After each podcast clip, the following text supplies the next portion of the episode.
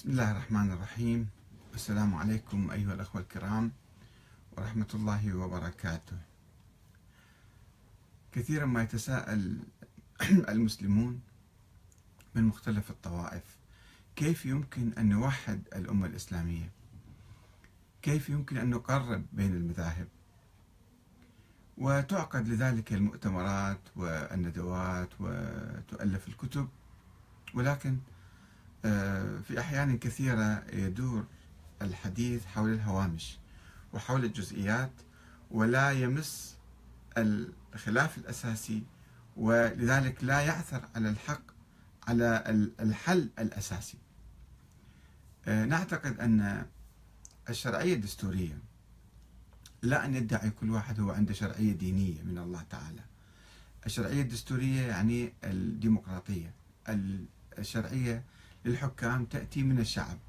إذا انتخبنا الحكام من الشعب ضمن دستور وضمن قانون وضمن آه، مبادئ معينة فالخلافات بالصورة الرئيسية تنتهي. يعني بصورة 90 80 90% الخلافات الزول تبقى تطبيق الدستور أن تحقيق العدل بالمجتمع تحقيق المساواة تحقيق الأمن تحقيق آه، قضايا أخرى حتى نضمن آه، الوحدة الإسلامية.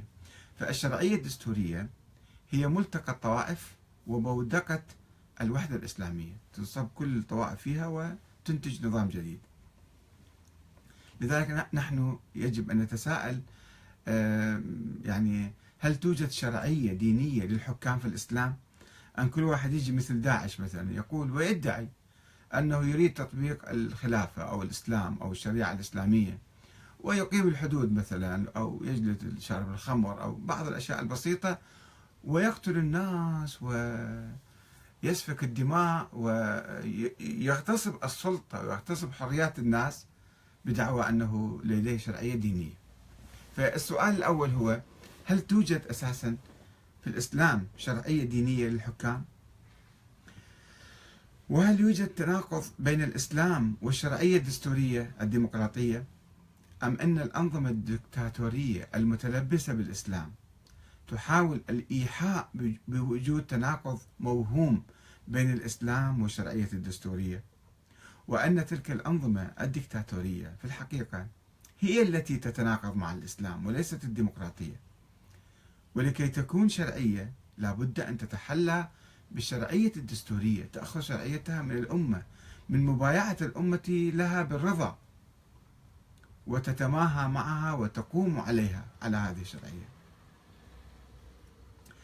أن النبي الأكرم صلى الله عليه وآله كان يتمتع بالشرعية الدينية باعتباره نبيا مرتبطا بالله تعالى.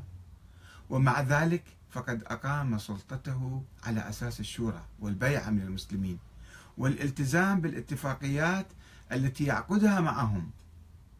مثلا اتفاقيته مع أهل المدينة أن ينصروه ويآزروه في المدينة. لما خرج إلى بدر آه، ما فرض عليهم القتال.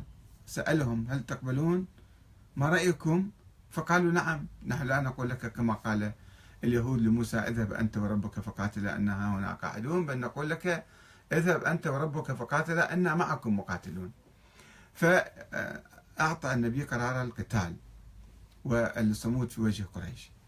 ولم آه، وبما أن الشرعية الدينية كانت مقتصرة عليه فقط لأنه نبي يعني فإنه لم ينقلها إلى أحد من بعده. ما أعطى شرعية لأي أحد بعده.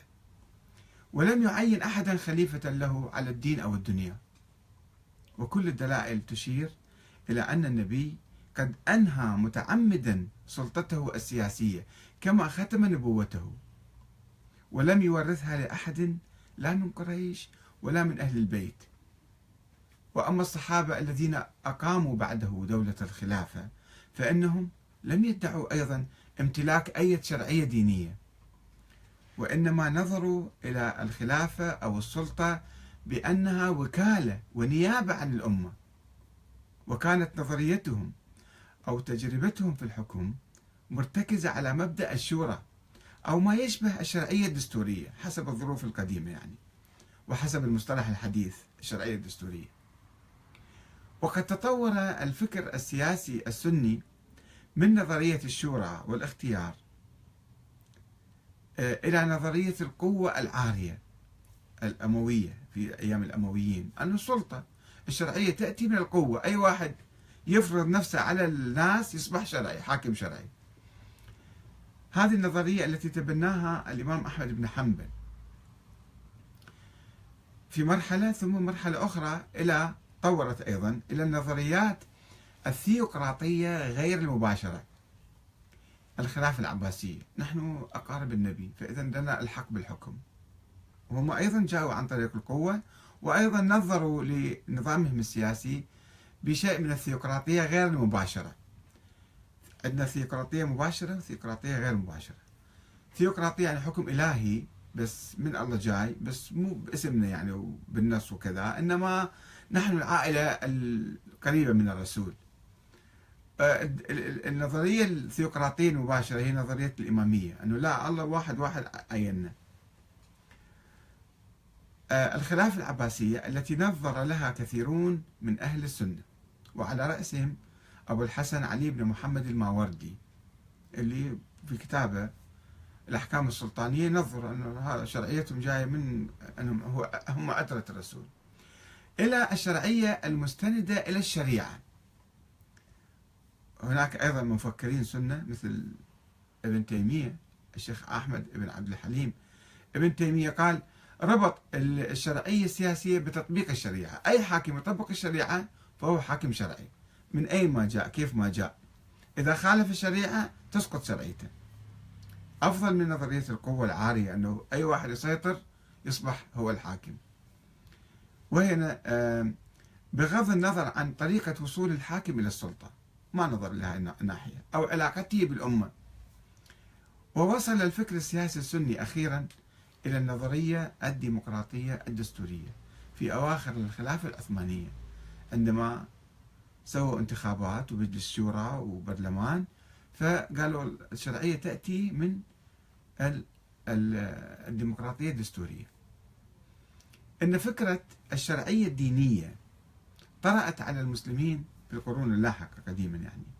وربما كان أول من دعا إليها هم الشيعة الإمامية الجعفرية الذين ولدوا في القرن الثاني الهجري في أيام الإمام محمد بن علي الباقر. وبعض الناس يسمون باقرية قبل الجعفرية الباقرية وهي امتداد الجعفرية امتداد الباقرية واعتقدوا بأن الإمامة آه، جزء من النبوة أو امتداد لها وأن الإمام يتعين بنص من الله وأن الأئمة من أهل البيت هم نواب الله في الأرض ويستمدون شرعيتهم من النبي محمد صلى الله عليه وآله بما يشبه نظرية الحق الإلهي المباشر. ثم أضفى الخلفاء العباسيون الذين انشقوا عن الشيعة. كانوا شيعة في البداية ورافضة كانوا العباسيون.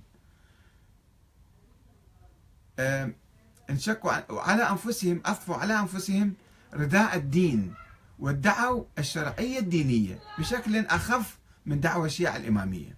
يعني بدون اسم يعني العائلة كلها. وربما يشبه آه، نظرية الحق الإلهي غير المباشر. وقد وصلت النظرية الشيعية الإمامية الموسوية بعد قرنين من نشوئها أو إلى قرن ونصف تقريبا إلى طريق مسدود مع غيبة الإمام الثاني عشر محمد بن الحسن العسكري سنة 260 للهجرة. سواء كان موجود أو غير موجود المهم انقطعت السلسلة فهي وصلت إلى طريق مسدود. ثم تطور الفكر الإمامي فيما يسمى في عصر الغيبة الكبرى الممتد منذ أكثر من ألف عام حتى الآن فنشأت نظرية المرجعية الدينية. مرجع ديني. أيضا عنده نوع من ال...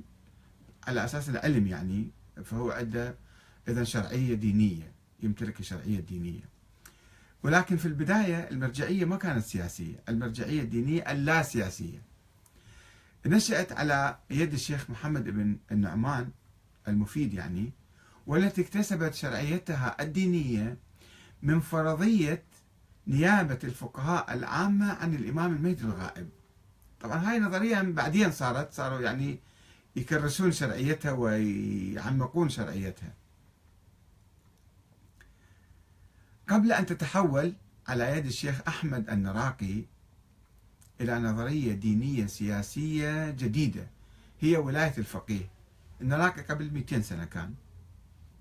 أول من كتب في نظرية ولاية الفقيه. ف وكان لهذه النظرية قاعدتان. إحداهما دينية تقوم على أساس النيابة العامة للفقهاء والأخرى دستورية تقوم على أساس الانتخاب من الأمة والتعاقد معها. يعني ليس كل فقيه هو نائب الإمام لا. هو جدير بأن يكون قائدا وإماما ووليا إذا انتخبه الناس. انتخبه الشعب انتخبته الأمة. هذا تطور في الحالة الشيعية أيضا. إن النظريات السنية والشيعية حول الشرعية السياسية الدينية قامت على أنقاض الفكر الإسلامي الأول القائم على الشورى والبيعة الطوعية والنيابة عن الأمة. هذا كان فكر مشترك عند السنة والشيعة ولكن عبر الزمن يعني السنة تطوروا في اتجاه والشيعة تطوروا في اتجاه وثم التقوا الآن في آه، بودقة واحدة. سنتحدث عن الآن. واعتمدت هذه يعني التفريعات اللي صارت بالتاريخ اعتمدت على أحاديث موضوعة منسوبة إلى النبي الأكرم.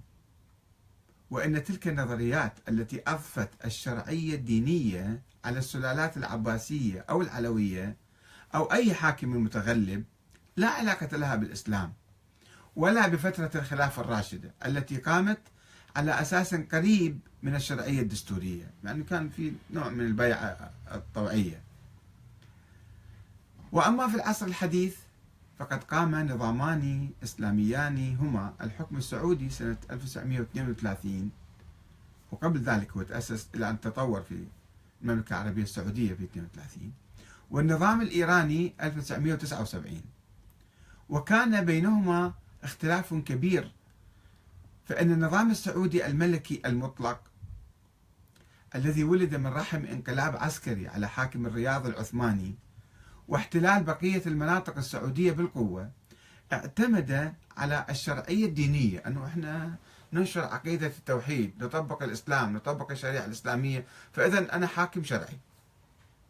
واتسم بالصفة الفردية الاستبدادية في الحكم. وإقصاء عامة الشعب ما يعترفوا. شعب لو كفار لو ضالين لو فسقة لو فجرة لو ما لهم حق يشاركون في الحكم. وعدم إجراء أي انتخابات شعبية منذ نشوئه إلى الآن أكثر من 100 سنة الآن. أو إقامة مجالس شورى منتخبة. ما في هذا النظام كله شيء غريب يعني. وحتى عندما اضطر النظام في التسعينات من القرن الماضي إلى تقديم نظام أساسي مثل الدستور يعني. فإن هذا جاء على شكل منحة ملكية من فوق ومفرغا من أي ملامح ديمقراطية أو يعني حقوق للشعب وبعيدا عن إعطاء أي دور للشعب في انتخاب ممثليه إلى مجالس الشورى. حتى الآن شوفوا في مجلس الشورى بس مو منتخب معين. يكون تابع ويكون يعني ليس له أي حق باقتراح شيء أو معارضة أي شيء. أو أو مراقبة الحكام أو محاسبتهم أو عزلهم أو تغييرهم. هذا أصلا ما موجود في النظام السعودي. فضلا عن إمكانية انتخاب الملك أو تغيير النظام أو تعديل أو تعديل الدستور من قبل الشعب. كل هذه الحقوق غير موجودة لأن النظام لا يعترف بكل هذه الحقوق للشعب. لا يعترف بالشعب أساسا ويحاول أن يفرض النظام الملكي المطلق ويدعي أنه شرعي لأنه يطبق الشريعة مثلا. أي شريعة ما الله أعلم. وذلك على العكس من النظام السياسي الإيراني الجمهوري المستند إلى دستور تم الاستفتاء عليه من الشعب بعد اندلاع ثورة شعبية سلمية. أطاحت النظام الشاهنشاهي السابق وأقامت نظاما جديدا ديمقراطيا يتضمن انتخاب رئيس الجمهورية وأعضاء مجلس الشورى ومجلس الخبراء إضافة إلى انتخاب القائد الولي الفقيه. وكانت هناك مفارقة كبيرة في اختلاف طبيعة النظام الإيراني الطبيعة الجمهورية الديمقراطية عن طبيعة النظام السعودي الملكية المطلقة. وذلك المفارقة وين تكمن؟ هنا. ذلك الانتماء النظام الإيراني إلى التراث الشيعي الوارث لنظرية الحق الإلهي المباشر اللي هي الإمامة الإلهية. الشيعة يعتقدون هكذا. وانتماء النظام السعودي إلى التراث السني يقول أنا سني الوارث لنظرية الشورى واختيار الأمة للإمام حيث كان يفترض أن يكون الأول أقرب إلى الفكر الاستبدادي وأن يكون الثاني أقرب إلى الفكر الديمقراطي الدستوري. على عكس ما حدث في الواقع. وهذا ما يدعونا للوقوف على أسباب التطور. بهذا الاتجاه أو ذاك. في الفكرين السني والشيعي عبر التاريخ. والغوص في جذور النظامين الفكرية. سعيا وراء اكتشاف السر في اختلاف النظامين بهذه الصورة. أن النظام الإيراني الجمهوري الإسلامي ولد نتيجة تلاقح الفكر السياسي الشيعي المتأخر المتمثل في المرجعية الدينية مع الفكر الديمقراطي الغربي اللذين تزاوجا منذ حوالي مئة عام في حركة المشروطة الدستورية وأولدا في البداية دستور 1906 في إيران. ثم دستور الجمهورية الإسلامية سنة 1979 بينما ابتعد النظام السعودي عن الفكر السياسي السني الأول الذي كان يؤمن بالشورى واختيار الإمام من قبل الأمة عبر أهل الحل والعقد على الأقل. وكذلك عن الفكر السياسي المتأخر الذي يؤمن بالديمقراطية والشرعية الدستورية اللي قسم كبير من آه، أهل السنة في أواخر الدولة العثمانية الحركات الإسلامية السنية تؤمن بالشورى بالانتخابات بالديمقراطية. مئة سنة الآن من التنظير للديمقراطية عند الإسلاميين السنة. إخوان المسلمين وغيرهم. آه، ولكن هذا النظام السعودي كل هذا ضرب عرض الحائط. الفكر السياسي القديم والفكر السياسي الحديث السني. قطيعة مئة بالمئة معه. وذلك لقيام هذا النظام على القوة والاحتلال العسكري وغياب الشعب العربي في السعودية عن المشاركة السياسية أو صياغة النظام السياسي وسيطرة نظريات سياسية متطرفة تقوم على مبدأ الغلبة والأمر الواقع. قال بها بعض الفقهاء السنة كالإمام أحمد بن حنبل وابن تيمية ومحمد بن عبد الوهاب. إضافة إلى هيمنة الفكر الوهابي التكفيري على المشهد السعودي والتشكيك بإيمان غالبية الناس واعتبار الديمقراطية متناقضة تناقضا جذريا مع الإسلام. لذلك النظام صار مستبد مطلق. ورغم أن الإمام الخميني مؤسس الجمهورية الإيرانية الإسلامية كان يؤمن أولا في السابق بالشرعية الدينية متمثلة بنظرية ولاية الفقيه التي تشكل في رأيه امتدادا لولاية الأئمة والنبي والمستمدة من الله تعالى هذه الولاية كما عبر عنها في سنة 1988 إلا أنه خضع لإرادة الشعب الإيراني الثائر والتزم بدرجة كبيرة بنظام الجمهورية الإسلامية والشرعية الدستورية ولم يؤسس شرعيته على نظرية النيابة العامة للفقهاء عن الإمام المهدي التي كان يؤمن بها شخصيا وإنما أسسها على أساس الدستور والانتخاب والتعاقد مع الشعب الإيراني. النتيجة هي أنه الآن مثلا في النظام العراقي أيضا حصل تطور آه، عند علماء الشيعة ومراجع الشيعة فآمنوا بالنظام الدستوري الديمقراطي وأن الحاكم يجب أن يأتي عبر صناديق الاقتراع. هذا هو في الحقيقة يعني يجمع بين السنة والشيعة ويقضي على نسبة كبيرة من الخلافات الخلافات الجوهرية. أما الخلافات القشرية والفقهية والنفسية والطقسية وما شابه هذه تبقى. يعني كل شعب ما يمكن إحنا نطبع طبعة واحدة وصورة واحدة وشيء واحد. دائما المجتمعات في تطور وفي تموج وفي تيارات جديدة وتيارات تروح وتيارات تجي. فيجب أن تكون عندنا أيضا رحابة الصدر أن نقبل الاختلاف نسبة من الاختلاف غير المضرة بالوحدة غير المؤثرة غير المؤثرة على جريان العدالة في المجتمع والمساواة في المجتمع والحقوق الفردية لكل فرد فرد من الناس. هذه هي النقاط المهمة. التي يجب أن نتوقف عندها وأن آه، نكرس آه، الشرعية الدستورية بدلا من الشرعية الدينية الوهمية. حتى المراجع حتى المراجع في الحقيقة هم علماء. نحترمهم نأخذ آرائهم.